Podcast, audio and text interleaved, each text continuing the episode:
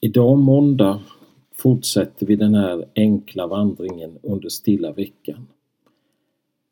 Och min uppmaning till dig är alltså att den här veckan får vara den stilla veckan. För jag är övertygad om att vi behöver detta i den här oroliga tid som just nu är. Nu är möjligheternas tid att ge oss tillfälle att reflektera över varför vi finns, vad det är vi gör, vad det är som egentligen är värdefullt för oss och vad det är som håller i längden. Igår söndag funderade jag lite kring att våga se sig själv. Och kanske det är en av livets stora utmaningar att lära känna oss själva. Tänk nu vilken förmån det är att få göra det tillsammans med vår reseledare den här veckan, Jesus Kristus. Att kunna hitta just hänförelsen i att leva i en härvaro, det är nog livets största utmaning. Härvaro, det är att vara närvarande där jag är. Under den här veckan kommer jag att använda enkla symboler som du kan hänga upp din tanke på. Igår var det en spegel, idag är det bröd. Bröd kan ju ha flera symboler. Nybakat bröd, det doftar ju så härligt. Och att gå in i ett bageri där man bakar matbröd är verkligen en doftupplevelse. Du kanske med din fantasi kan se ett bageri i till exempel Paris, vid en liten gata där husen trängs. Det är en lång kö av människor tidigt på morgonen som vill köpa färskt gott bröd. Brödet kan ju också vara något mycket vackert att se på. Doften och synintrycket gör att man vill bryta en bit av brödet för att kunna äta, kunna ta del av vad brödet vill ge. Brödet är en symbol för var dags arbete. Också det som är vardags möda.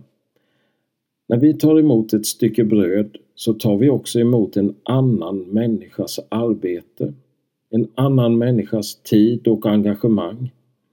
Det hade aldrig blivit något bröd att äta tidigt till en frukost om inte en bagare hade gått upp ännu tidigare. Brödet får vara en symbol för vårt arbete.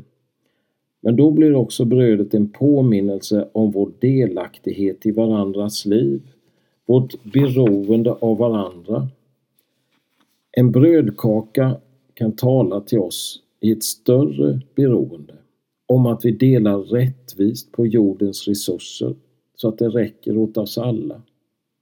Martin Luther skriver i sin lilla katekes att vårt dagliga bröd är allt det vi behöver för att leva. Allt det vi behöver för att leva. Att tänka efter. Då blir också brödet en symbol för kärlek, vila, omsorg, gemenskap. Att vi har en plats att bo på, att vi har kläder. Just nu i vårt land behöver vi verkligen dela bröd med varandra. Och brödet får här bli en symbol för hur vi hjälper varandra, stöttar och ger omsorg.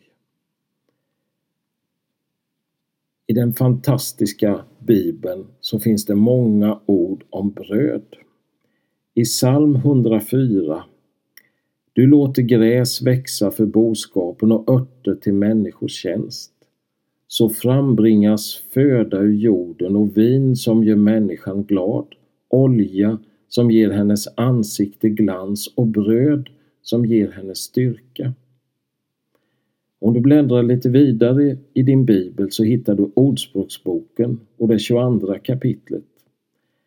Den godhjärtade blir välsignad, ty han delar sitt bröd med den fattige. Och om vi bläddrar några sidor till och kommer in i Nya testamentet så kan vi be ja med i vår Fader. Där står det ju Ge oss idag vårt bröd för dagen som kommer. Och Jesus sa själv i Johannes 6 Jag är livets bröd. Den som kommer till mig ska aldrig hungra och den som tror på mig ska aldrig någonsin törsta. Jag är livets bröd. Era fäder åt mannat i öknen och de dog, men brödet som kommer ner från himlen är sådant att det som äter av det inte skall dö. Jag är det levande brödet som har kommit ner från himlen. Den som äter av det brödet skall leva i evighet. Brödet skall jag ge är mitt kött, jag ger det för att världen ska leva. Men vad är då brödets uppgift? Vad tror du att Jesus menar när han säger att han är livets bröd?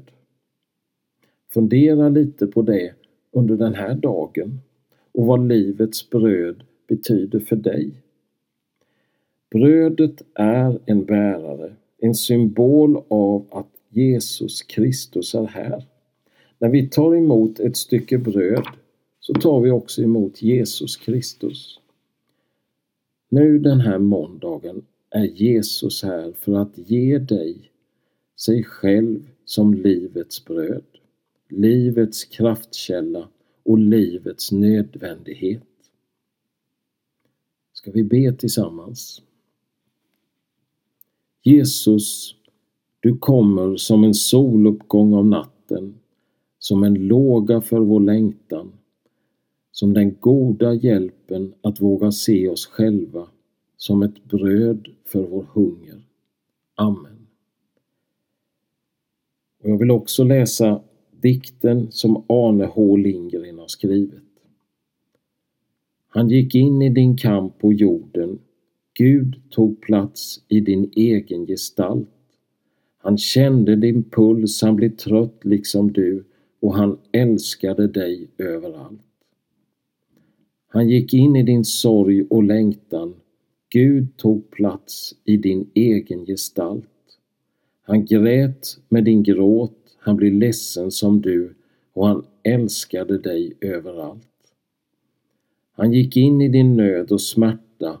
Gud tog plats i din egen gestalt. Han bar på ditt kors, han var plågad som du och han älskade dig överallt. Han gick in med sitt liv på jorden. Gud tog plats i din egen gestalt. Hans seger blev din, han var frestad som du och han älskade dig överallt. Amen.